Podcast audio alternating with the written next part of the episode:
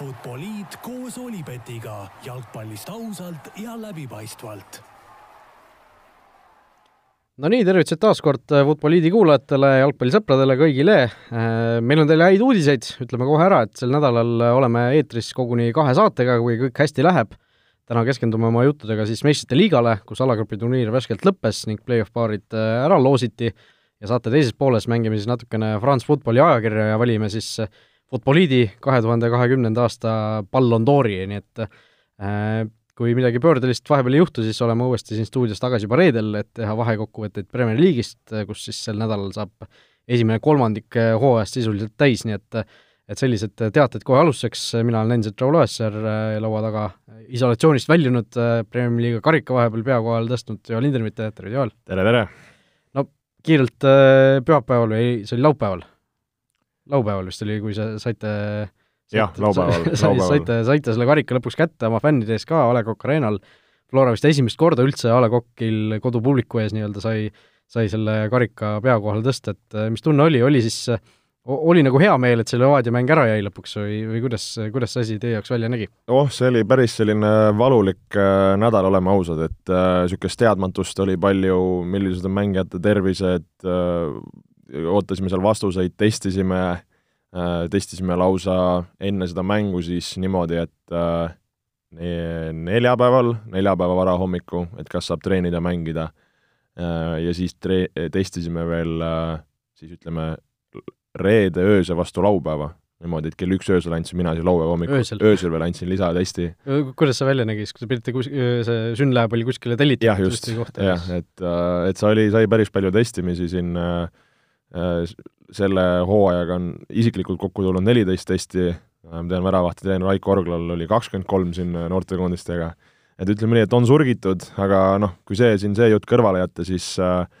et, et noh, otsustati see mäng mitte mängida, ma saan aru, et noh, mõlemalt poolt pigem see suund oli selline, et pigem mitte siin arvestades tervisi ja et tahaks kõik jõulude ajal terved olla siis äh, tore, et sai selle karika pea kohale tõsta, eks ta veidikene kummaline oli, et ei olnud see mänguga, noh, veelgi kummalisem oli see, et noh, niisugune kümmekond mängijat pidid kahjuks eemal olema, et, äh, et selle üle oli kahju, et ei saanud sellist nagu ühist, ühist emotsiooni sinna taha, aga aga noh, see, et kui see, selle jaoks sa seda tööd teedki, et lõpuks see karikas enda pea kohale tõsta ja, ja seda, seda tunnet ei, ei saa kuidagi ära võtta nüüd on puhkus alanud, kõik kindlasti soojale maale seekord ei lenda vist, et aastalõputurniiri ka ei ole, millal, millal üldse nagu tagasi töölainele naasete? no jaanuari keskel, no või noh, ütleme jaanuari alguse poole, et niisugune ümaralt kuu aega puhkust saab, saab juhtme seinast välja tõmmata, tõesti nüüd ei teagi, mida peale hakata, et ka ise harrastanud tavaliselt niisuguseid väikseid kultuurireise puhkuse ajal, aga võib-olla kultuurireis on äh, siin avastades Eestimaad ja, ja diivanit jah, auto seest kuskil vaadata läbi autoakna erinevaid, erinevaid väikelinnu, aga aga läheme edasi meie päris juttude juurde, nii-öelda päris juttude juurde, täna siis äh, meistrite liigast põhjalikumalt räägime, alagrupi turniir on läbi saanud ja nagu me enne lubasime eelnevalt, siis äh, paneme taas, äh, teeme värskenduse meie Power Rankingsi edetabelile, ehk siis reastame järjekordselt kümme võistkonda, kes siis oleksid kõige tõenäolisemad meistrite liiga võitjad sel hooajal nii et äh, mis seal ikka, alust-, hakkame kuskilt otsast pihta, räägime nende Power Rankingsi äh, juttude jooksul ka siis sellest, jooksvalt sellest viimasest mänguvoorust, mis siin ka eelmisel nädalal oli, juba üle nädala aja tagasi või täpselt nädal aega tagasi, et selline, selline tunne, nagu see aeg läheb nii kiiresti, et kuidagi, kuidagi oli see nii ammu, aga tegelikult ei olnud, ei olnud nii ammu ühti. Mis seal ikka, alustame kümnendast kohast, Dortmundi Borussia on langenud siis ühe koha võrra äh, Äh, eelmise, eelmine kord, äh, kui me seda edetabelt koostasime, oli siis kolm alagrupi vooru oli peetud, ehk siis alagrupi turniir oli poole peal, seekord äh, siis Dortmund sai küll edasi, võitis suhteliselt sellise lihtsa alagrupi Lazio ees, aga aga siis langes meil ühe koha võrra, Sevilla nad vastu said, kaheksandikfinaalis suhteliselt okei okay loos ka,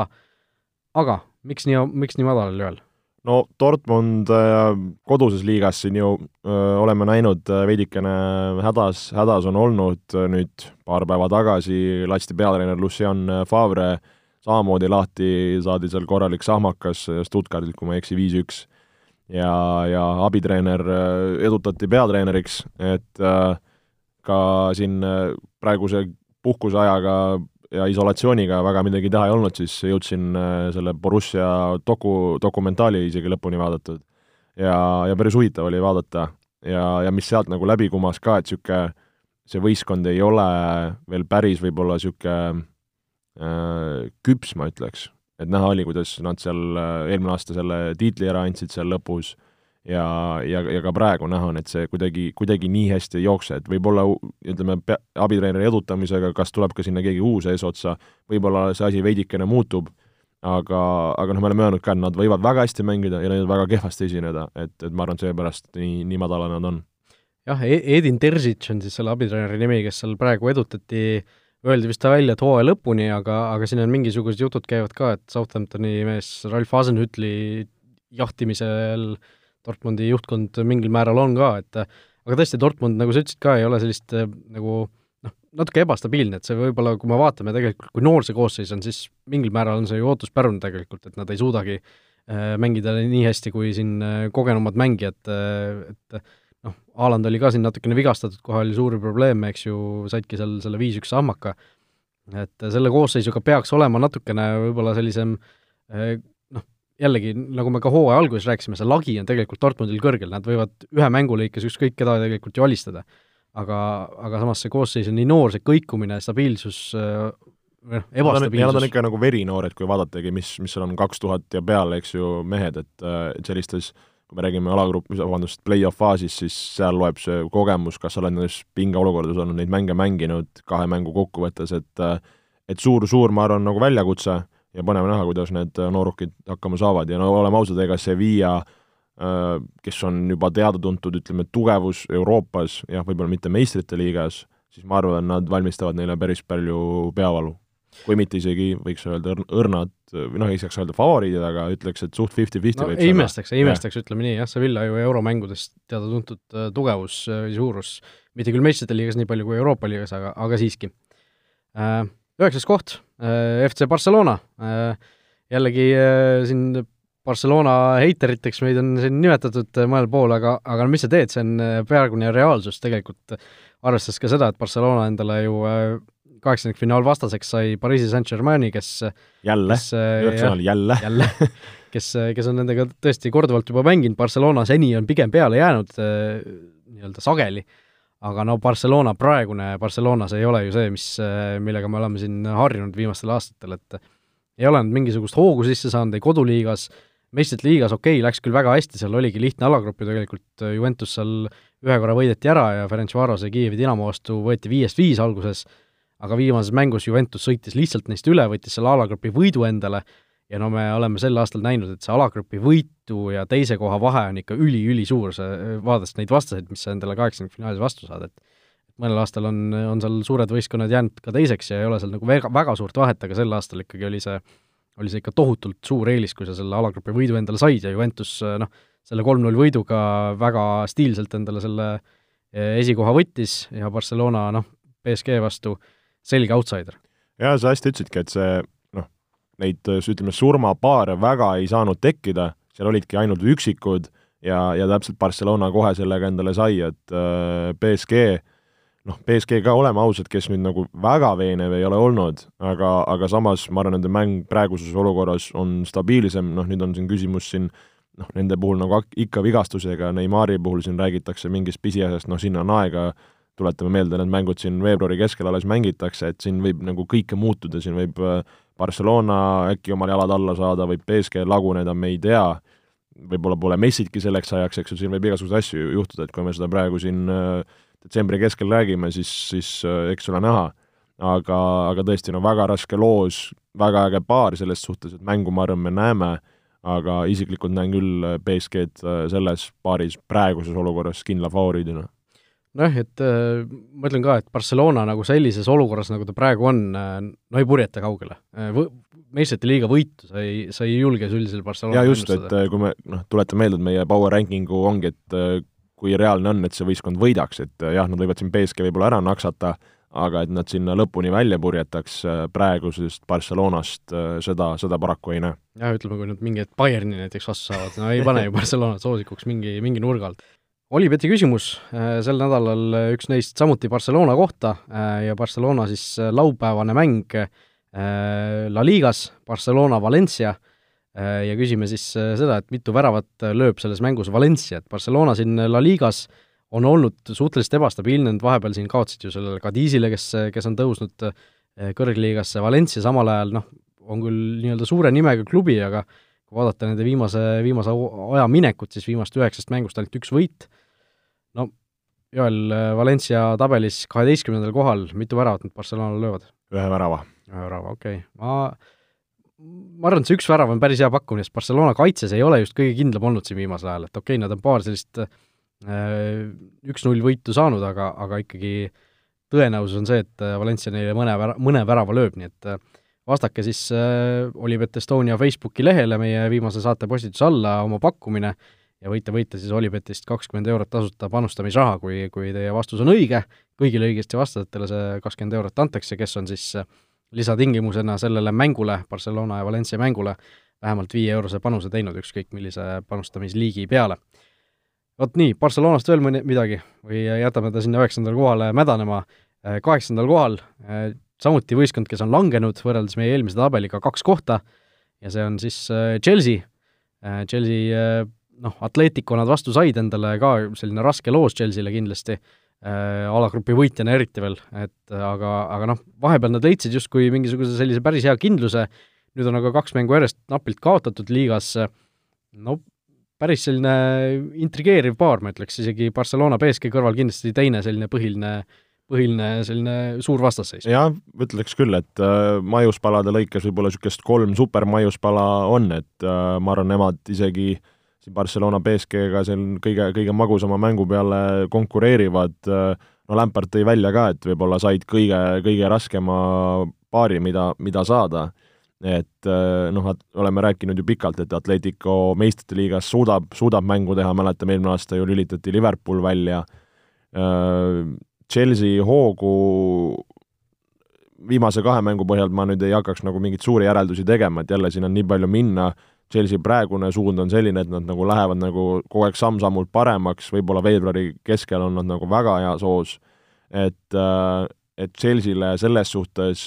kui neist nagu praegu loodetakse, arvatakse, et ah, kas tuleb siin äh, Premier League'i nii-öelda võidu suunas mingi, mingi run või asi, noh, Atleticoga koduses liigas paneb väga vingelt, et, äh, et ma arvan, nagu väga kõva mäng, aga ma ütleks, et Chelsea puhul, et kui nad tahavad olla lõpuks nagu suur tiim, siis see on äh, täpselt see koht, kus, kus tuleb see võit äh, kuidagi ära võtta ja minna edasi järgmisesse ringi. jah, Atletico, tuletan meelde, eelmine aasta samal ajal samas faasis pani Liverpooli magama, nii et ja noh, La Ligas ollakse seni ju päris hästi mänginud, nii et Chelsea Chelsea, nagu sa ütlesid ka, nagu Lampard ütles, sai ikkagi väga raske vastas, kõige ras-, kõige raskem vastas ilmselt, kes neil oli võimalik saada, aga tõesti, nagu sa ka ütlesid, see on selline koht, kus on nüüd tõestamise koht, kas ujud või upud, eks ju, et et aga, aga noh, isegi kui nad välja langevad, siis äh, kui on see mäng võrdne ja selline fifty-fifty asi, siis liialt, äh, liialt nagu kritiseerida siin ilmselt ei maksa, sest need on suhteliselt võrdse tasemega tiimid. kindlasti, kindlasti. ja noh, suurt, suht-, seda, et nad on suhteliselt võrdse tasemega tiimid, näitab ka see, et Atletico Madrid meil ongi järgmine tiim seitsmendal kohal, nemad on siis võrreldes äh, eelmise edetabeliga tõusnud top kümnesse üldse, eelmine kord nad jäid meil üldse välja, kusjuures äh, aga, aga seekord tõesti on nad kindlasti sees, äh, noh, Chelsea'ga tõmbavad seal üksteise võimalusi natukene alla selles tabelis, see on selge, aga aga noh, koduliigas on neil Atleticul hea hoog sees, nüüd kaotati küll Realile viimane mäng, aga aga see noh, meistrite liiga alagrupp jällegi läks üllatavalt keeruliselt Atleticul, nad äh, ikkagi jätsid asjad viimase mängu peale ja see viimane mäng Salzburgiga, mida mina sain kommenteerida, sina pidid kodus istuma, eks ju, isolatsioonis, no see oli väga kummaline, see oli väga kummaline mäng, ma ei tea, kas sa jälgisid seda natukene või ma jälginud? klõpsasin selle kõikide mängude vahel, mis, mis toimus, aga see tundus niisugune tõesti kummaline, et nagu pilku ei, ei püüdnud, ütleme nii. no mõnes mõttes see oli just nagu selline teistpidi, et oleks võinud pilku püüda, sest Salzburg tegelikult domineeris seda mängu päris, päris nagu kindlalt, et vahepeal mingi hetk olid pealelöögid kaheksateist kolm seal Salzburgi kasuks ja no Salzburg ainult tuli, tuli, tuli, aga Atletico nagu mänguplaan Diego Simeonel oli justkui väga konkreetselt, et äh, me ei lase lihtsalt ühtegi väravat endale lüüa, suva, mis seal ees toimub, äh, me lihtsalt taga hoiame nulli ja me olemegi edasi, noh, nad teadsid, et kui nad taga nulli hoiavad, nad on kindlasti edasi. ja noh, nii läkski, et Atletico on üks väheseid äh, tippvõistkondi, kes suudabki niimoodi nagu noh, kes suudab sellele loota või nagu kes võib sellele loota, et nad hoiavadki taga nulli. ja Salzburg seal üritas, üritas, punnis, aga nagu lõpuks ei suutnudki lüüa ja Atletico lõi ise oma mingisugused umbes ühest võimalusest lõi kaks tükki ära ja ja võitis kaks-null ja läks edasi, et seal noh, Atletico vahepeal oligi seal teise poole alguses oli umbes kümnendal sekundil, teise poole kümnendal sekundil tegi, Joao Felix tegi ühe kauglöögi ja siis järgmised kakskümmend viis või kolmkümmend minutit Atletico ei teinud mitte ühtegi peallööki näiteks seal ja noh, täiesti selline veider mäng oli, Atletico istus lihtsalt kaitses ära, läkski, läkski istuma ja istuski ära, on ju, et et noh, ma ei teagi, kas sellest nüüd, kas sellest välja lugeda seda, et Atletico on kaitses tõesti super hea või see, et nad ei, aeg-ajalt ei suudagi nagu ründes midagi no, luua? kas aeg-ajalt, tegelikult nad ei ole ju suutnud juba pikalt, et et selles suhtes, miks ka nagu Chelsea'l on, ma arvan, šanss, et kui sa vaatadki, ütled, et Atletico tuli raskelt läbi alagrupist, no kaks võitu, kolm viiki, üks kaotus, noh, et ega see mäng ju neil väga veenev ei olnud, kui nad olid seal Moskvas äh, Lokomotiivi vastu tulid seal äh, ka olid nagu hädas veidike, et, äh, et see nagu ühe, ükski mäng ei saaks öelda, et Atletico nüüd jube hea oli. et jah, nagu me ütlesime, me teame nende nagu seda võimekust, mida nad suudavad teha, kui see play-off mäng on käes, aga samas ma arvan, et Chelsea kontekstis see ei ole praegu midagi sellist, mida kartma peaks, võrreldes sellega, mis Atletico aastaid tagasi võib-olla oli. jah, eks see koduliigas Atletico hästi minemine, see on ka mingil määral tundub nagu seotud sellega, et Real ja Barca mõlemad sel hooajal nagu ei ole oma parimal tasemel, Atletico justkui ei ole nagu väga juurde pannud, aga on siis nagu stabiilselt teeb oma ära. no enda, enda kohale jäänud Barca ja, ja Real neist ära kukkunud. just, just. et, et tõesti midagi, midagi suurt karta ei ole, aga no tuletan meelde muidugi ka selle, et, et need kaheksakümnendfinaalid on alles ju esimene mäng veebruari keskel, teine mäng märtsi keskel, et sinna on ikka aega küllalt ja küllalt. et siin võib veel kõike vahepeal juhtuda, see jaanuarikuine üleminekuaken on ka veel vahepeal, et et äh, mis võib äh, siin äh, kaarte, kaarte segada. aga läheme Atletico juurest edasi, kuuendalt kohalt leiame Torino Juventuse, kes siis erinevalt siin Atleticust Chelsea'st sai väga hea loosi, said Porto endale vastu, Porto vist ainus võistkond siin kuueteist seas, kes ei ole sellest Euroopa viiest tippliigast, noh, Juventus sai hea loosi, aga minu jaoks Juventusel meeskonnas midagi justkui on nagu puudu veel. ma ei tea, kas see on kuidagi keskväljalt nagu mingisugune selline äh, ma ei tea, kas see on mingi hea mängija, selline sidusus, mingisugune asi on nagu puudu seal, et nagu seal kaitses on okeid vennad, ründes on Ronaldod, Moratad, asjad, eks ju, aga, aga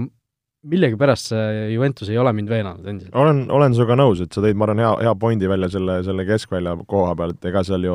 noh, üritatakse erinevate mängijatega, Dybala siin tihti istub, seal on äh, Ramsey, nüüd on see nooruke Weston McKennie saanud seal peale, seal on Bentancur äh,, see Artur minu arust on üldse väga vähe praegu peale saanud, et niisugune ka käib nagu Pirlol otsimine, noh äh,,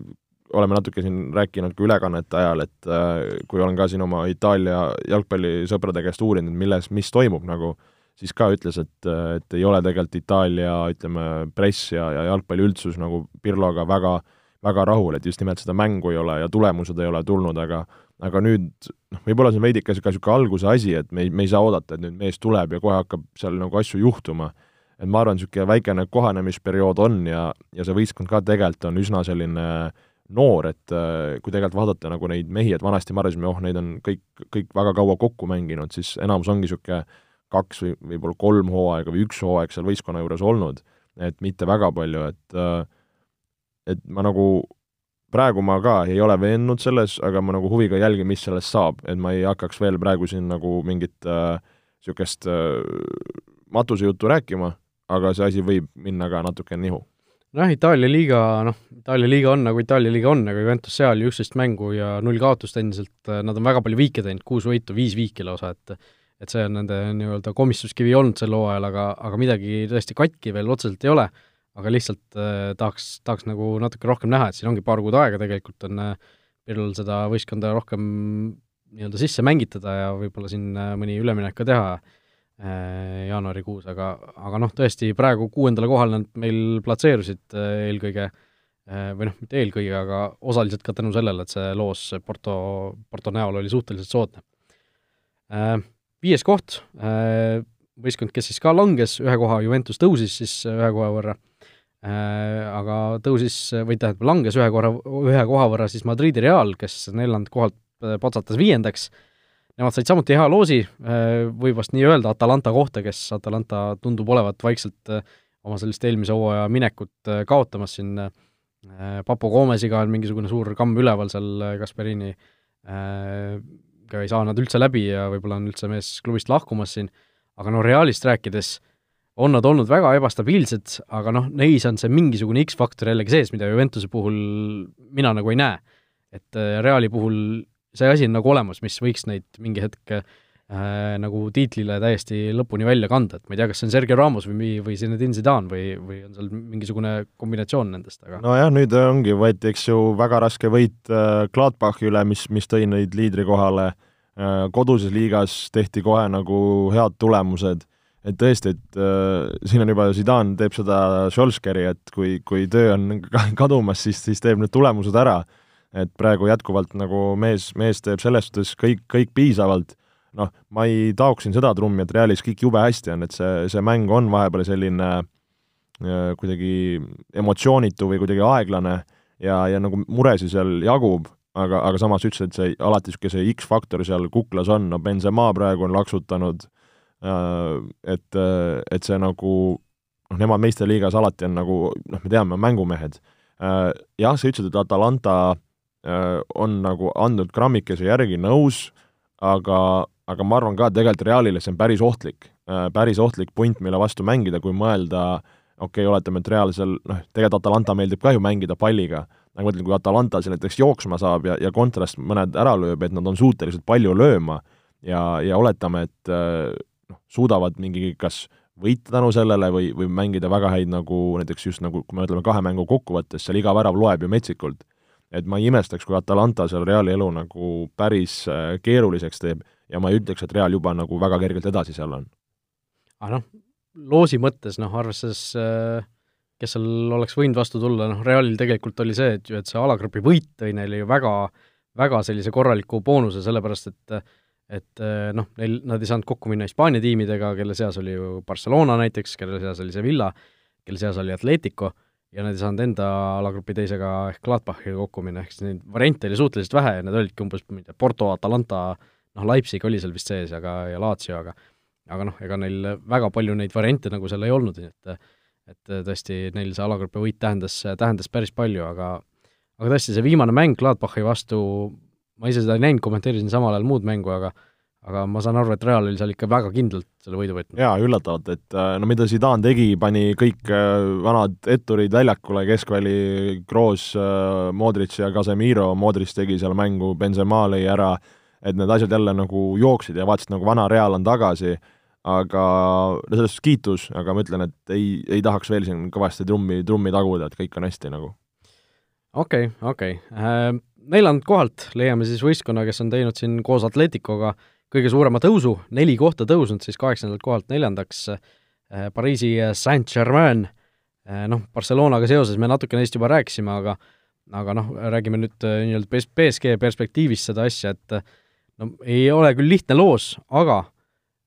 mul on selline tunne, et BSG läheb siit nagu suuremate mured, muredeta läbi, kui Neimar on terve ja teised võtmemängijad ka terved on, et neil on küll olnud siin ebastabiilsust, kõikumist, siin Tuhheli tool vahepeal ju kõikus siin koduliigas on saadud eh, noh, ei ole väga kindlad oldud, eh, siin eh, hooaega alustati küll kehvasti, see oli selle Covidi tõttu natukene, aga nüüd ikkagi viimastes mängudes on ka natukene tagasi antud seal liidrikohast, ollakse ilma, on nad siis ju punktiga siin taga Lillist ja Lyonist, aga aga noh, meistrite liiga jällegi alakarp võeti ära kindlalt, või noh, mitte kindlalt, aga ikkagi lõpuks, lõpuks noh, pidid nad selle pasakese hirri selles skandaalses mängus alistama, sellega saadi suurepäraselt hakkama, äh, noh, kas Messi saab tulevaste tiimikaaslaste vastu mängida? Nojah, siin ma räägin, et äh, tahtsingi just öelda, et selle BSK ümber on nagu igapäevaselt nii palju seda muud ka, nagu gamma head, et ongi, nagu ütlesid, et Tuhheli äh,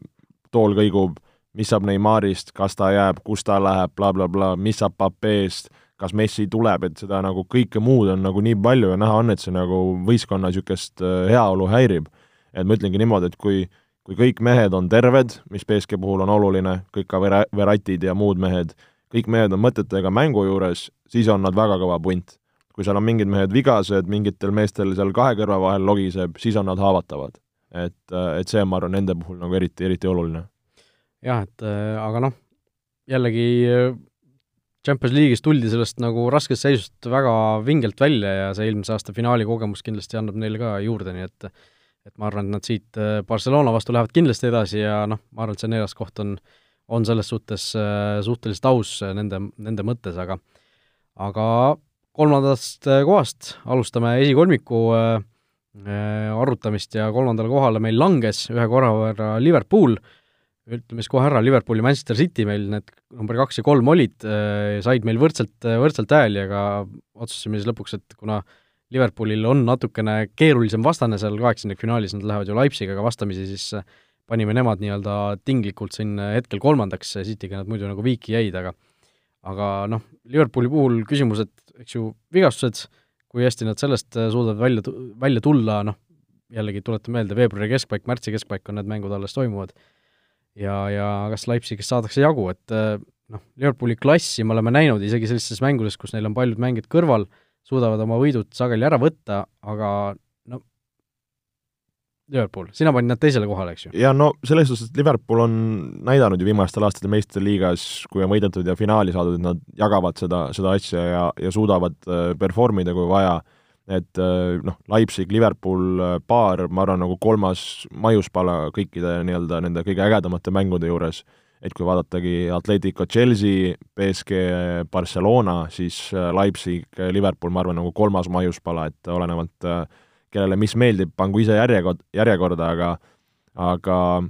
see noh, Leipzig eelmine aasta ju poolfinaalis ja, ja mitte ilmaasjata, et et ma nagu näen, et see on nagu väga, ma arvan, niisugune intrigeeriv. Siin, Nagelsmann räägib palju, teeb palju et äh, noh, see ei ole, eks ju, see Leipzig, aga samas jälle me näeme, et mingid noored mehed tulevad seal, needsamad, kes eelmine aasta oli, need on ka natuke nagu küpsemaks saanud, mõned mängijad juurde panna, pannud, et äh, ma ütlen niimoodi, et ma ei, ma ei imestaks, kui Leipzig siin hakkab nagu veel midagi korraldama. Äh,. Aga see ongi nüüd küsimus, et kas Liverpool laseb neil hakata korraldama, kas nad äh, suudavad neist üle olla, aga, aga ma nagu huviga, huviga vaatan ja ja ma ei tea, kas ma julgen nagu öelda, et siin on nagu üllatust õhus, aga veidike ma näen, et seal võib minna niisuguseks äh, rabinaks. no eelmisel aastal ju Liverpool samamoodi, nagu mainisin enne ka, kaheksandikfinaalis ju samamoodi langes välja Atletico vastu toona, et äh, ei maksa, ei maksa üllatuda sellest, kui tõesti siin Liverpool juba jällegi kaheksandikfinaalis äh, maha kukub äh, selle rongi pealt, aga aga noh, ega siin Liverpooli fännid selle üle eriti nuriseda ei ole õigust vist neil, et äh, kui kaks finaali järjest siin vahepeal tuli, et et äh, kõik on, kõik on ikkagi suhteliselt hästi seal äh, seal klubis, aga teine koht äh, meie Power Rankingsi tabelis, Manchester City, äh, noh, nemad said siis vastu endale teise Saksa klubi Mönchengladbachi, äh, noh, Gladbach näitas ennast alagrupis ju tegelikult suhteliselt heast küljest, aga see Reali mäng, kus nad ikkagi, neil oli ka ju noh, vaja tulemust ikkagi, igaks juhuks nad said küll lõpuks ilma selleta edasi, aga, aga kui oleks seal Interi ja, ja Šahtari mängus midagi muud juhtunud, siis oleks, oleks võinud Gladbach ka välja langeda vabalt, et et see, see Reali vastu see esitus natukene tõmbas ilmselt neid Gladbachi aktsiaid äh, alla, et et äh, noh, see Manchester City suurim trump võib-olla minu jaoks on see, et neil on meistrite liiga sel hooajal ikkagi väga selgelt fookuses, nad äh, lähevad seda meistrite liigat, seda ihaldatud karikat, mis neil on nagu ainsana jäänud veel, jäänud veel võitmata, seda ikkagi jällegi võitma. Ja, ja noh, sellistest Gladbachi sugustest tiimidest nad peavad ikkagi une pealt üle sõitma. No selles suhtes tuleb Cityt kiita, et äh, alagrupi faasis äh, tehti jälle oma nagu kindlalt ära, jah, ma olen nõus, et äh, nende see, ütleme, see soov seda meistrite liigas mängu teha ja, ja see karikas pea kohale saada on suur, see on see, millest nad on pikalt unistanud, et ma nagu mingit pidi ka, miks ma ise asetsin ka nad kõrgele just sellesama sellise nagu kuidagi tundub nagu teekonna pärast, mis neid ees ootab, et, et sellepärast nad võivad teha, samas sa vaatad praegu, mis neil liigas toimub, mis on nende üldine seis, siis ma nagu ei ole üldse kindel, et nad tegelikult peaks võib-olla seal nii kõrgel olema. et niisugune veidikene nagu kahetised tunded. aga noh, see on, nagu sa ütlesid ka, et Gladbach no ei tohiks olla nagu selles kohas praegu mingi komistuskivi, et kui City seal ikka komistab, on see nagu täielik fiasko, aga, aga ma arvan, Gladbachist tullakse üle, no Gladbachil vedas ka, et äh, Interi Šahtari lõppu seal vaatasin äh,, noh, Alexis Sanchez oleks võinud äh, viimased minutid seal peaga ära koksata, jäi Romelu Lukaku väga nõmedalt seal ette äh,, Äh, ei, ei suutnud nagu Inter seal ära, ära lüüa ja oleks selle Inter ära löönud, oleks nemad edasi läinud ja Gladbach väljas, noh, oleksid, me võimegi jääda rääkima, aga, aga sellest tuleb Gladbachi kiita, et sellises raskes alagrupist lõpuks edasi mindi ja, ja nüüd ongi võimalus mängida play-off'i, mängida City vastu, mis, mis ei ole kerge ülesanne, aga never know, eks. jah, ja noh, esimene koht ikkagi, seda meil midagi ei kõigutanud, see on jätkuvalt meil Müncheni Bayern, oli see suvel, kui me tegime neid eelmise hooaja lõpu power rankings eid, oli Bayern esikohal ja ja on ka nüüd endiselt kõikides nendes meie tabelites olnud Bayern püsinud esimesel kohal, et noh, said okei okay loosi, Roma Lazio on kindlasti mingil määral võimeline üllatama, aga ma ei usu, et Bayernit üllatama. Lazio ei ole nii hea ka sel hooajal olnud, kui nad, mul olid seal Giro Immobile lõi eelmisel hooajal selgelt rohkem väravaid kui sel hooajal. aga noh, Bayerni hoog ka natukene on nüüd raugenud siin Hansi Flicki käel, vaata al-, alguses, kui ta tuli, siis oli seal mingisugune umbes mingi üheksakümne ühest, üheksast mängust üheksakümmend kaheksa võitu, üks viik, mingi niisugune, niisugune statistika oli seal, noh, natuke väiksemate numbritega tegelikult muidugi, aga aga noh, kõ-, kõigest hoolimata need tipptiimidest on hetkel kõige stabiilsemad selgelt, et et seal noh, ei ole nagu suuri murekohti. ei paista, ei paista, et see masinavärk paneb edasi nagu noh, et kui me vaatamegi neid teisi favoriite, siis noh, kõigil on mingid agad või mingid miinuspooled, sa tood välja, noh, Bayernil on ka mingid väiksed, eks ju, mida, mida saad hakata, aga seda pead sa luubiga otsima, et äh, jätkuvalt masinad nad on, jätkuvalt nad tulemust teevad, seda, et keegi neid kahe mängu kokkuvõttes praegu üle mängiks, no on raske näha, on raske näha, raske näha, et see on Lazio ja noh, siis juba, eks ju, kui, kui see voor on läbi mängitud, siis meil võib, eks ju, kõike juhtuda et, äh, et siis, siis võib-olla näeme mingit niisugust pähklit, mida Bayern peab murdma hakkama, aga see Lazio pähkel äh, tehakse krõmps-krõmps kiirelt, ma arvan, katki. Bayern viimases neljas liigamängus, kolmapäeva päevase seisuga räägime, täna õhtul neil on veel üks mäng, aga viimasest neljast liigamängust äh, ainult üks võit, kolm viiki. et äh, noh, ei ole nii kindel see asi enam, aga samas noh, Bayern on Bayern. Bayern on Bayern jah, et siin äh, neid nagu praegusel hetkel kuskil allapoole kukutada oleks ikkagi väga, väga kunstlik, et et tõesti see praegu see nii-öelda kaks aastat järjest võitmine ei tundu üldse, üldse nende puhul äh, võimatu. Äh, vot nii. seega meie tabel näeb välja lõplikult milline? Näeb välja selline, et esikohal Müncheni Bayern, teisel kohal Manchester City, kolmas Liverpool, neljas BSG, viies Madrid Real, kuues Juventus, seitsmes Atletico Madrid, kaheksas Chelsea, üheksas Barcelona ja kümnes Dortmundi Borussia. võimas. võimas, nii et lähme edasi teise tabeli juurde, räägime siis äh, meie Futboliidi Ballon d'Orist. kas teadsid, et Olipet toetab FCI Levadiat? no selline aasta lõpp on selline kokkuvõtete aeg, eks ju, tabelite aeg, nagu alati öeldakse ja, ja meil ongi siis äh, selline tabelite erisaade, kõigepealt ühe meistrite liiga tabeli panime juba kokku, aga siis äh, oleme, või noh, tekkis selline mõte, et äh, kuna Ballon d'Ori auhinda sel aastal välja ei anta, tehti suhteliselt ennatlikult see otsus, et, et kuna seal liigad pandi pausile koroona tõttu, siis sel aastal üldse seda auhinda välja ei anta, ilmselt seda praegu kahetsetakse, ma kahtlustan, sellepärast et nende liigadega saadi ikkagi uuesti käima, kõik mängud mängiti ära ja ja noh, peale siis EM-finaalturniiri, mis, mis lükati järgmisesse aastasse, aga aga klubi, klubide mõttes kõik olulised mängud said peetud ja noh, välja arvatud siis jah, muidugi Prantsusmaa liigast, mis, mis ei, ei tulnud uuesti tagasi, tuletan meelde, Ballon d'Ori annabki välja France Football, Prantsusmaa ajakiri, et see ilmselt oli, oli suur kaalutlus selle otsuse juures toona, aga see selleks, kui France Football seda ei tee, siis teeb seda Futboliit podcast ja oleme siis Pole küsimustki. jah, meie nõukogu, kahe, kaheinimiseline nõu-, kaheinimiseline nõukogu on, on pannud kokku siis kümme parimat jalgpallurit äh, lõppeval aastal, ehk siis ainult selle kalendriaasta tulemusi arvestades. jah, kui siin omavahel arutlesime, vaidlesime ka, et siis äh, noh, veidikene nagu kummaline, kuna see jalgpallihooaeg ju tavaliselt üle kahe aasta läheb, et, et kuidas sa nagu tõmbad seal esimese jaanuariga piiri ja siis nagu hooaja umbes algust, kui mõni mees jõhkralt tassib või väravaid lööb, nagu ei arvesta, et äh, et veidikene nagu niisuguseid äh, segaseid äh, tundeid see tekitas, aga noh, arusaadav, kuidagi sa ju pead selle ühtse puuga lööma ja, ja see tundub nagu kõige lihtsam ja loogilisem. no just, äh, mõlemad panime siis enda top kümned kokku liitsime need, liitsime need nii-öelda omavahel siis kokku ja, ja saime sellise top kümme järjestuse. no Joel, võib-olla alustuseks räägi enda mõttes, kuidas milliseid asju sina siis selle, selle top kümne koostamise juures kõige rohkem arvestasid, ütleme, tiimiedu, võistkonna enda või tähendab, mängija enda, ma ei tea, väravad, esitused, koondise mängud, kas üldse arvasid koondise mänge kuidagi, mis nii-öelda kaalutlused sul seda tabelit koostades olid? jah, ma praegu mõtlesin, et ju tegelikult see FIFA aastamängija antakse nüüd ju välja, et vähemalt mingi, mingi auhinna need mehed saavad. Kui küsida, et mida mina jälgisin, siis ma jälgisingi, mida siis mees klubi eest tegi, mida ta saavutas klubi eest milline oli tema mänguline panus, kas siis on see väravad, on see mänguline, ma ei tea, söötude panus, mis iganes see on, ja, ja siis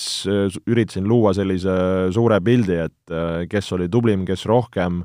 ja, ja millises nagu mastaabis siis keegi oma edu maista sai, ütleme nii, et ka see edukus oli minu jaoks oluline verstapost.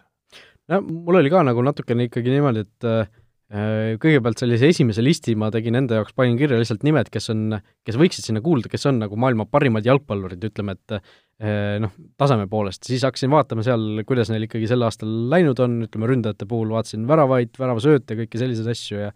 ja noh, võidetud tiitlid ka muidugi, et kes, kes seal viis oma võistkonna, vedas mingisugusel tiitlil ja see kindlasti sai nagu lisapunkte selles arvestuses. aga noh, ma ei tea, mis me siin ikka pikalt, pikalt nagu keerutame, et hakkame sealt tagantpoolt jälle tulema, nagu ka selle meistrite liiga puhul ja kümnes koht siis mängija, kes minul top kümnes ei olnud, oli seal noh, ma vaatasin hinnanguliselt kuskil seal viieteistkümnendal kohal oleks minul jäänud, sinul äh, tuli ta siis äh, seitsmendaks äh, Äh, ja kokku siis meie ühises tabelis kümnendale kohale Guillaume Pape, äh, BSG ja Prantsusmaa koondise ründaja, no sinul ta oligi kõrgemal, võib-olla alustadki siis ise tema, tema nii-öelda aasta kirjeldamisest, et äh, mis, mis sulle tema puhul silma jäi, noh, BSG Prantsusmaa meister, meistrite liigas finaali välja, kui suur osa selles oli just Papel? no sellest ongi, et mis äh, põhimõtteliselt ju kõik mehed, äh, kes enamjaolt siin tabelis figureerivad, äh, oma koduliiga äh, võitsid, eks ju, on, on nagu niisugune suurem, suurem pilt, jah, seal on siin erandeid, aga et see on nagu enamustel üsna nagu sarnane, siis hakkadki mõtlema, et kellel kui lihtne see ala, vabandust, siis liiga võitmine on, kellel tuleb raskemalt ja, ja natukene üritasin ka seal neid asju jälgida. no Pape puhul räägib see kindlasti kasuks, et see meistrite liiga finaali jõudmine ja ikkagist noore mehena seda asja teeb, noh, koduses liigas, kui see kinni pandi, kaheksateist väravat, äh, mis on tegelikult päris massiivne, ja, ja, ja selles suhtes äh, noh, palju väravaid, tiitel ja jõudmine meistrite liiga finaali noore mehe kohta, tubli töö jah, no võib-olla ründajate kohta saab siin statistikat ka ette lugeda, et äh, Transfermarketi lehel on selline võimalus, et saad vaadata siis selle kalendriaasta jooksul ja siis valisin siis liiga väravat pluss meistrite liiga väravat pluss Euroopa liiga väravat, siis kes mängis seal Euroopa liigat, et noh, meil küll on vist peaaegu kõik mängijad on sellised, kes seal mängisid ikkagi meistrite liigat, et Euroopa liigat siin arvestama ei pea. aga Mbappel siis kakskümmend kaheksa mängu äh, liigas pluss meistrite liigas, äh, üheksateist väravat, viisteist väravasöötu, ehk siis kokku kahekümne kaheksa mänguga siis kolmkümmend neli nii-öelda värava involvement'i, äh, et noh, päris, päris okei okay,, ütleme, päris okei okay.. no oleme ausad, et aga äh, noh, jällegi seal on see Prantsusmaa liiga koefitsient juures. jah, just, et see, see on see, mis natukene langetab, aga noh, tuletan meelde, mehel kõigest veel vanust kakskümmend üks, et äh, ma arvan, mida see mees suudab saavutada, mida ta siin aastatega tegema hakkab, et äh, nagu öeldakse, sky is the limit, et ma arvan äh,, et siin aastate pärast see mees ainult neid karikaid kordamööda nopibki. kusjuures Pape minu meelest viimase aastaga isegi on nagu veidi tagasi andnud mingil määral. ma olen sinuga veits nõus äh,, aga samas, kui sa vaatad statistikat, mis nagu ründaja puhul on nagu oluline, siis äh, see, see ju ei lange, eks ju. no et, äh, võib-olla on see mingi, mingi hetk, et kui ta nagu tuli sinna suurele lavale nii-öelda, võitis selle MM-tiitli, siis kõik ootasid, et ta nagu läheb samas rütmis edasi, aga ta on nagu mingile, mingile tasemele jõudnud ja ei ole enam nagu see arengukõver ei ole nii püstiselt üles enam. nojah, samas kui sa oled juba nagu väga hea vend, et ega sa nagu sealt nagu mingit suurepärast sammu edasi ei tee, eks ju, et äh, või noh, mingit nii, nii retsi, nagu sa ootad. et äh, Pape puhul noh, kindlasti saab juurde panna, ka temal on olnud siin veidikene vigastusi, veidikene olnud seda BSG, ma arvan, ebastabiilsust sealjuures. Ja, ja, ja ka natuke see nagu roll, eks ju, mida ta mängib, et seal see ju Neimari olemasolu kohe natukene tema tiibu kärbib, et ongi, kuidas nemad seal kokku mängivad ja ja, ja kui palju talle nagu reaalselt otsa vaadatakse, et äh, et, et mingis mõttes nõus, aga ma ei, nagu ei äh, dramatiseeriks seda üle nagu. jah, tahaks Mbapped näha, ütleme, mingis teises liigas igapäevaselt mängimas, noh, siin on kuulutud viivatada ju Real Madrid igal pool, et et väga tahaks, et ta sealt BSG-st ära tuleks, et saaks nagu parema pildi ette, ütleme, ma arvan, et see aitaks ta, ütleme, Ballon d'Ori võitmise võimalustele ka tegelikult pikas plaanis hästi kaasa. üheksas koht, äh, mängija, kes siis äh, sinul jagas kümnendat kohta, minul oli üheksas, ehk siis panime suhteliselt ühte auku ta äh, Lionel Messi et palun põhjenda äh, tundub, tundub alguses võib-olla jah, selline ootamatu pakkumine, aga tegelikult noh, Messi jaoks see kaks tuhat kakskümmend ei ole tegelikult olnud ju väga, väga särav nüüd Messi enda standardit arvestades. kakskümmend üks väravat siis selles samas arvestuses, ehk siis liiga pluss Champions League, kolmekümne kaheksa mänguga, kakskümmend üks väravat, no Messi kohta on see ikkagi pigem vähe. isegi Bruno Fernandes on rohkem löönud selle, sellesama arvestusega, et et ja vähemate mängudega isegi. Aga noh, Messi, mis on suur pluss, on see, et kakskümmend neli väravasöötu sellesama aja jooksul, et ikkagi ta mänge mõjutab endiselt, aga noh, Barcelona hooaeg oli väga kehv äh, ja ei ole ka uus hooaeg väga hästi alanud. Ja see kaks tuhat kakskümmend Messi jaoks noh, ei, no ei ole hea olnud. no ütleme jah, et äh, sellest tegelikult ju kui mõelda, et noh, et äh, La Ligas seal ju püsiti viimaste mängudeni, eks ju, punkt punktis ja lõpuks Real selle ära napsas, et ei saaks nagu öelda, et nagu liigas nüüd täielik fiasko oli, fiasko algaski suvel kogu selle kammiga, mis ta ümber toimus, kas ta läheb, ta ei lähe, äh, fiasko on praegune nii-öelda mäng, mis seal on tal, äh, fiasko oli see äh, Bayernilt suur sahmakas nagu, et neid fiaskosid, mis nagu teda siin allapoole võrreldes teistega tirib, on lihtsalt, nad on nagu nii rasked ankrud, et, et täitsa põhja vajub seal. nojah, et äh, aga noh, Messi, Messi ütleme individuaalselt siin ju vahepeal käis ka statistik, statistika läbi, et klubi pluss koondis viimase mingi kaheksateist mänguga mingi hetk enne seda eelmist mängu vist, kus ta värav lõi, oli ta nagu open play'st, ehk siis kui penaltid maha võtta, oli ta löönud äh, kaks väravat ainult. Et noh, see, see väravate löömise osa tema mängus on ikkagi selgelt kokku kuivanud, ta on äh, noh, tema mängustiil on muutunud ja noh, kui sul Barcelona, see üldine Barcelona seal kõrval on ikkagi noh, kehvem, kui ta muidu oli, siis noh, selge on see, et neid võimalusi ka tekib vähem, eks ju. Ja tema, tema peale langeb suurem tähelepanu kaitsjate poolt ja nii edasi ja nii edasi, et et kõik see nagu mängib kaasa, noh, ma ei tea, kas see üheksas koht on nagu provokatsioon natuke või ei ole? õrn provokatsioon on, aga, aga samas, kui vaadata, mida teised mehed sellel hooajal tegid, siis olid äh, edukamad, ütleme nii, edukamad no, jah, edukamad, noh, Messi ei võitnud ju ühtegi suurt äh, tiitlit siin, meistrite liiga, La Liga, kõik läks käest ära, et et selles suhtes äh, ongi äh, mingis mõttes ikkagi ta õigustatud, aga noh, ütleme igaks juhuks juurde, ma arvan, et siin on nagu see ka suhteliselt suur roll, sellel ka suhteliselt suur roll, et Messi ikkagi on nagu, need Messi enda latid on nii kõrgel. jaa, kindlasti, kindlasti. et ta on nagu, sellest on lihtsalt äh, selle on nagu võib-olla maha ajanud ja, ja seetõttu siis äh, võib-olla ka üldmulje nagu temast on, on natukene kehvem olnud, noh, sarnane jutt, nagu siin Mbappe puhul oli natuke teises võtmes, aga aga okei okay,, Messi üheksas äh,, nii et äh, selline siis äh, kuskil, ma ei tea, pealkirja saab kätte kaheksas koht, äh, mängija, kes siis äh, mõlemal oli, oligi täpselt kaheksandal kohal meie mõlemas, mõlema tabelis, see on Sergio Ramos, noh, Reali kapten, Hispaania koondise kapten, hakkas siin väravaid lööma ju suvel väga, väga hirmsasti, väga suure hooga, Reali tassis La Liga võitjaks üle tüki aja ja noh, meistrite liigas küll ei läinud nii hästi, aga, aga ikkagi Ramose äh, ütleme, mõju Reali võistkonnale üldiselt see, et ta on seal väljakul, ta on seal olemas,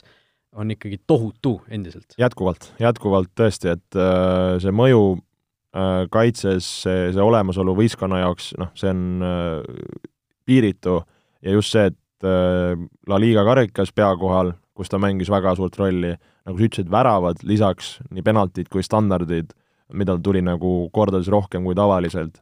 ja no tõesti, Champions League, mis on nagu noh, Reali jaoks mõõdupuu, seal äh, korralik äh, käkk ja, ja langeti, aga,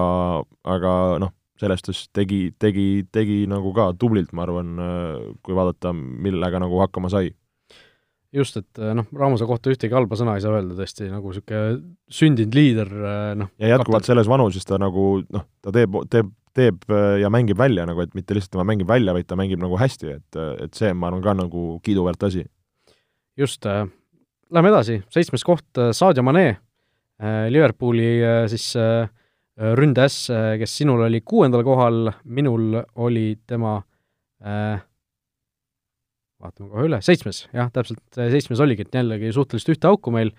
omavahel, äh, noh, Mane küll, kusjuures ma vaatasin just, et äh, numbrite mõttes ta tegelikult ei olnud äh, sedavõrd äh, võib-olla isegi särav. et äh, kui seesama statistika võtta, siin meistrite liiga pluss liiga, siis, siis otsime ta kohe üles, siit kolmkümmend kuus mängu, kolmteist väravat, neli söötu. aga tegelikult see nagu, kogu see mõju ja see, kuidas ta noh, nagu Firmino puhul ka räägiti, kuidas tema, tema see mõju väljakul ei ole ainult statistikas, siis Mane puhul no ikkagi ka saab sellisest asjast rääkida. Jah, kui ma õigesti mäletan, siis ta alustas hooaega väga võimsalt ja just see, nagu sa tõid välja, et see hiljem, kaks tuhat kakskümmend aastal ta nii palju ei teinud, aga tõesti see mõju, noh,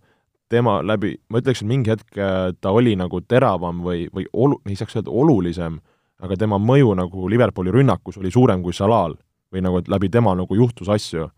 et äh, et võib-olla mõned Liverpooli fännid vaidlevad vastu, aga kui ma ise ka mõtlema, et noh, kuidas ma nüüd Salad ja Manet seal nagu paigutan, kes kuhu, noh, Salah lihtsalt oli, oli resultatiivsem selle koha pealt, et selles suhtes oli nagu lihtsam, aga, aga tulles Liverpooliga üle pika aja meistriks, noh, kiitus, noh, meistrite liigas ei tulnud, et noh, Liverpooli mehi ma, ma nii-öelda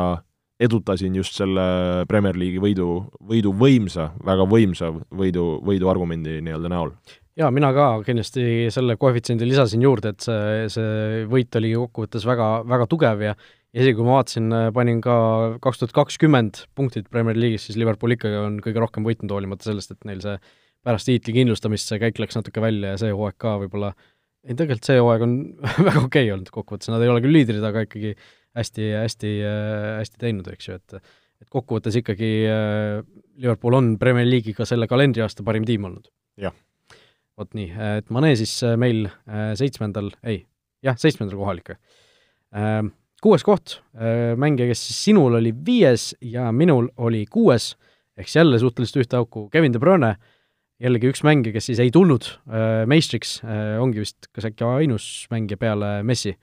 selles tabelis siis, kes, kes ei tulnud meistriks, äh, Manchester City seal ikkagi äh, jäi, jäi alla Liverpoolile suhteliselt selgelt äh, hooajal, aga aga Kevin De Bruyne need väravasöödud ja asjad, see, kuidas ta siin ikkagi oma võistkonda jällegi tassis, oli, oli võimas, et tema statistika ka siis liiga pluss meistrite liiga, kolmkümmend kaks mängu, kümme väravat ja üheksateist söötu.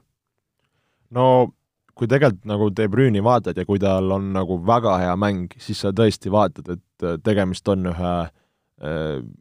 ütleme, ühe maailma parima mängijaga, saab ju niimoodi öelda. et see, mida ta on suuteline oma, oma söötudega, oma selliste tugevate tsenderdustega, oma sellise mängumootoriga, oma mitmekülgsusega nagu võistkonnale anda, et see, seda on nagu äge vaadata ja milline mängija temast nagu tulnud on. et äh, mina isiklikult naudin väga De Bruyne'i mängu ja, ja noh, lihtsalt ongi tema puhul siin need äh, tiitlid äh, selles kontekstis äh, annavad nagu natukene järgi järjekorra mõttes, aga mänguliselt, mida ta eelmine aasta või noh, ütleme siis sellel aastal pakkunud on, okei okay,, see aasta see City vorm on olnud nagu üles-alla, tema vorm ka, ütleme, kui me räägime sellest hooajast, aga suures pildis nagu hi-, hind, isiklikult hindan teda väga jah, tõesti, et minule ka ta meeldib mängijana selles suhtes, et nagu sa ütlesid ka, kui tal on nagu tõesti hea päev, siis, siis tundubki, et ta ongi maailma parim mängija. et äh, seal ei ole nagu see, kuidas ta neid sööte leiab, kuidas ta seda mängu juhib seal, see on, on nagu esmaklassiline, et äh, aga noh, sel hooajal, äh, ütleme siis sügisest alates City ja De Bruyne ise ka ei ole tegelikult nii säravad enam olnud, kui siin no ütleme, eks ju, De Bruyne ise ei ole hea olnud, aga tegelikult kui me rääkida Cityst, millest me siin räägime, ma arvan, reedel, on see, et ei ole mehi, kes tal ära lööks ei ole mehi, kes seal äh, tassiks, et, et sa võid anda neid häid paskasi, aga kui ei ole mehi, kes seal ära koksaks, siis, siis sina ka nii palju ei sära. just, just. Viies koht äh, üldtabelis on siis mängija, kes sinul oli kümnendal kohal, jagas Messiga seda kohta, ja minul oli esikohal lausa, nii et äh, selline suur noh, kui muidu olid meil suhteliselt ühte auku need valimid, siis seekord oli ikkagi diametraalselt erinev, Joshua Kimmich oli siis minu top üks mängija no nii, no nii no, top pean, üks ma..., pikka kõnet soovin kuulata. ma pean vist ise jah, ikkagi alustama, et no Bayerni edu juures me veel räägime siin Levandovskist, me räägime veel võib-olla veel, ma ei tea, Toomas Mülleritest, asjadest, aga minu jaoks oli Kimmich see, kes äh, oli selle võistkonna süda, et Levandovskil need võimalused pidid kuskilt tekkima, Levandovski ei ole selline mängija, kes ise tekitab neid võimalusi, Kimmich mängis, äh, mängis keskväljal, mängis äärekaitses, mängis vahepeal keskkaitses, ta tegi kõike, igal pool oli ikkagi maailmaklassi mängija. nii universaalne Äh, ja noh, kui me rääkisime ka vaata alguses, et mina panin nagu, et kes on maailma parimad jalgpallurid, siis Kimmich nagu just oma jalgpallioskuste poolest, ta on minule ikkagi väga-väga muljet avaldanud viimasel ajal, et et noh, ta on nii universaalne, aga, aga vahel on see, et kui sa oled universaalne, siis sa oled igal pool nagu selline noh, väga okei okay või midagi sellist, aga minu arust ta on ikkagi iga, iga positsiooni peal on nagu maailmaklass no ma olen sinuga nõus, et minule ka, ütleme, nii jalgpallis kui ka näiteks korvpallis, kui nii-öelda mängijaid hindan või mängijaid, kes meeldivad, siis mina ka hindan väga sellist äh, mitmekülgsust ja, ja mida mängijad kõiki erinevaid asju suudab teha. Et ma olen nalja teinud väga palju ka siin sõprade seltskonnas, et Kimmich on nagu niisugune robot või bot, et äh, tõesti noh, see mees teeb kõike ja, ja teeb seda tõesti, nagu sa ütlesid, ka väga kvaliteetselt. et, äh, et tema niisugune, kui sa ütleme niimoodi, et sul oleks kekatund ja sul on vaja nagu valida esimene vend tiimi, siis sa valid tegelikult tema, mis noh, mõnes mõttes sinu sellele nagu argumendile nagu annab nagu vundamenti, eks ju. Hmm. et sa tead, et see mees äh, tassib, sa tead, et see mees äh, mängib oma koha välja ja sul ei ole küsimustki. et äh, ma teda väga hindan, aga kas ma teda nagu top üheks paneks, on võib-olla minu no sa ei pannudki, sa panid kümnendaks. no ma räägin, et minu andmetel veits, veits palju nagu aga mõnes mõttes ma saan aru, kust sa tuled, aga ma arvan, see on väikene provokatsioon. no väike provokatsioon võib-olla on, ma pärast võib-olla tulen äh, rohkem selle juurde, miks just, äh, miks just selline provokatsioon, aga aga noh, ma, ma ütlen, ma ei, üldse ei, nagu ei, ei häbene seda tunnistada, minu jaoks Joshua Kimmich on praegu maailma parim jalgpallur, ütleme kaks tuhat kakskümmend. no väga julge avaldus, väga julge avaldus. no võib-olla, võib-olla äh, aga lähme edasi, neljas koht Äh, mängija, kes siis sinu tabelis oli kolmas, minu tabelis neljas, ehk siis seekord jää, jääme jällegi suhteliselt ühele arvamusele, Mohamed Salah. Liverpooli ründest natuke juba rääkisime Sadio Mane juures, aga noh, Salah on äh, statistiliselt ka parem olnud, äh, nagu sa ütlesid ka, vahepeal tundus justkui, et Mane on selle ründeliini nagu selliseks juhiks saanud, aga ikkagi Salah on need asjad, juhtohjad endale tagasi võtnud, Salahil sel hooajal siis, või sel aastal kolmkümmend seitse mängu meistrite liigas pluss liigas kakskümmend kolm väravat, üheksa väravasöötu. Et äh, Salah jällegi on selle väravate löömise oskuse nagu mitte, et ta vahepeal ei oleks, oleks seda ära kaotanud, aga ta jällegi nagu tõusnud äh, tipu-tippu selles osas. jaa, no eks temal ka penaltid seda aitavad, et äh, väga tihti ta neid lööb, no sellest samamoodi, nagu rääkisime, et Mane seda Liverpooli rünnakut tassis, siis noh, Salah oleme ausad, on, on A ja O seal Liverpooli jaoks, et võiks öelda, eks ju, kõige tähtsam mees. tema suur roll selles, et Liverpool selle tiitli võitis, olles nagu võtmemängija, äh, noh, minul ta kolmandal kohal oli, ma arvan, et nagu igati nagu loogiline, et, et, et tema sellise suure, suure kiituse ja, ja au nagu osaks peaks saama. nojah, nõus, et äh, ega siin suures plaanis midagi väga rohkemat polegi rääkida, et äh, Salah on Salah ja Just. Liverpooli ründeliini liider ikkagi arvestades seda, millise hooaja Liverpool tegi koduliigas eelkõige, siis väärib seal kõrgel olemist aga kolmandalt kohalt leiame taas Liverpooli mängija, minul siis teisel kohal, sinul neljandal kohal äh, Virgil van Dijk, mees, kes siis on nüüd siin sügisel vigastusega väljas olnud, äh, mistõttu tema aktsiad võib-olla natukene siin langesid, aga jällegi see suurepärane aasta tegelikult kokkuvõttes Liverpooli jaoks koduliigas tõstis minu jaoks Van Dijki nii kõrgele, mulle meeldib hinnata selliste, sellistes tabelites ka mängijaid, kes ei ole nagu ainult need ründajad ja need, kes väravaid löövad. Vaid noh, Van Dijk ikkagi endiselt on, noh, ta oleks eelmisel aastal ilmselt pidanud tegelikult võib-olla selle Ballon d'Ori saama, sai ju Messi tegelikult, mäletame, et, et noh, sel aastal ka ta ei ole oluliselt tasemest tagasi andnud ja ikkagi tassib Liverpooli kaitset. Jaa, nõus just sellega, mis sa tõid eelmise aasta kohta välja ja tõesti see vigastus, ma arvan, veidikene aktsiaid langetab, noh, ma olen Van Dijki haipinud siin erinevates nii-öelda äh, podcast'id, mis me teinud oleme küll ja küll ja ma jätkan selle mehe haipimist, et tõesti, mida see mees suudab äh, praeguse tänapäeva jalgpalli juures keskkaitses ühele võistkonnale pakkuda, on, on metsik ja ja tegemist on väga-väga hea vennaga, et kui me räägime siin nagu parimatest mängijatest, no siis kindlasti ta seal eesotsas on kahtlemata. nii et äh, esikolmik, Virgil van Dijk siis kolmas, äh, teine koht Äh, trummipõrin, jah, ei hakka siin mingit heliefekti otsima, Joel tegi ise asja ära. Robert Lewandowski, Müncheni Bayern. sinul oli esikohal, minul oli ta viies. no vot, siin on algaski see sinu provokatsioon, mis meie tabeli nässu keeras, iga õige jalgpallisõber saab aru, et äh, Robert Lewandowski peab olema esimesel kohal, peab olema esimesel kohal, miks? sest mees Bundesliga-s, äh, ütleme siis selle nagu ka eelnevat hooaega kokku arvestades, kolmkümmend neli väravat Bundesliga-st. kaks tuhat kakskümmend aastal, kui ma loen siin õigesti üle, on selleks äh, kakskümmend üheksa liigas pluss kaheksa Champions League'is, kolmkümmend seitse väravat, kas sinu andmed vastavad samamoodi? Äh, ma niimoodi ei ole isegi kokku arvutanud, oi, oota, olen küll tegelikult, ma võtan selle kohe lihtsalt lahti äh,. Nonii, nüüd äh, mul jälle natuke konspekt sassis, aga Robert Lewandowski kolmkümmend kolm mängu siis liiga pluss meistrite liiga, kolmkümmend kuus väravat, viisteist väravasöötu. okei okay,, siis mul oli ühe võrra võib-olla kuskil äh, sassis no,. minu andmed on Transfer Marketist igatahes. igatahes kolmkümmend kuus väravat ühe, ühe kalendriaasta jooksul, võites äh, meistrite liiga, võites Bundesliga ja kui muud mehed, kes siin on teinud tublisid asju, ei ole suutnud muid asju väga palju temast paremini teha, siis tema on kõige pingem jalgpallur aastal kaks tuhat kakskümmend. Robert Lewandowski mulle ei meeldi. Äh, ma ütlen äh, kohe selle ära, või noh, selles suhtes mitte, et ta ei meeldi mulle, aga ma ei hinda teda nii kõrgelt kui, kui paljud teised, ma ei saa sellest äh, aru äh, sageli, miks teda nii kõrgelt hinnatakse. okei okay,, ta lööb palju väravaid, ta on, ta on suurepärane, võib-olla ongi maailma parim, ma ei tea, väravate lööja või äralööja, kuigi selles osas ma ka vaidleks natuke vastu. aga tal on niivõrd hea võistkond ümber, et koduliigas need väravad, ma ei, ma ei hindaks neid väga palju, ma paneks seal samasuguse koefitsiendi juurde, nagu ma paneks BSG väravatele Prantsusmaal. veidike nõus, veidike nõus, aga jätka. jah, ja aga noh, mis Lewandowski puhul mind häirib, on see, et iga kord, kui Bayern mängib mingisugust suurt mängu, siis minu jaoks Lewandowski kaob sinna ära, ta ei suuda neid mänge nii palju mõjutada, ta ei löö neid väravaid ka. ma tõin, kirjutasin endale märkmikusse, sa näed ka mustvalgel välja või sinivalgel, selle aasta siis kaks tuhat kakskümmend suured mängud, kus, kus ma võtsin siis Bundesliga-s esineliku vastu, pluss meistrite liiga mängud, Robert Lewandowski. Leipzigi vastu null väravat. Kronoloogilises järjekorras, Dortmundi vastu null väravat, siis tulid need meistrite liiga mängud Chelsea'ga, okei okay,, Chelsea oli seal väga nõrk, eks ju, Bayern sõitis neist üle, esimeses mängus üks pluss kaks, teises mängus kaks pluss kaks, okei okay,, okei okay,, võtame vastu, tubli töö. Äh, Barcelona vastu kaheksa-kaks mäng, kas sa mäletad Lewandowskit sealt mängust? seal olid kõik mehed, muud mehed lõid. no täpselt, äh, Lewandowski sai üks pluss üks kirja, seal oli umbes kaheksas värav vist oli äkki, mille tema lõi. Lyoni vastu, noh, Lyon ei ole ka, okei okay,, nad said kaugele meistrite liigas, aga ikkagi äh, ei ole mingisugune eriline tegu, et sa seal üks pluss üks lööd, eks ju, ja finaalis BSG vastu null ring jälle. Siis tuli uus hooaeg liigas, Dortmund, okei okay,, tegi hea mängu, üks pluss üks, Leipzig null. Äh,, tulid meistrite liiga mängud, Atletico vastu null, Lokomotiiv null ja siis Salzburgi vastu lõpuks kuus-kaks võidumängus lõi kaks tükki, mis olid ka mõlemad seal umbes mängu lõpus täiesti, teises mängus Salzburgi vastu ühe värava.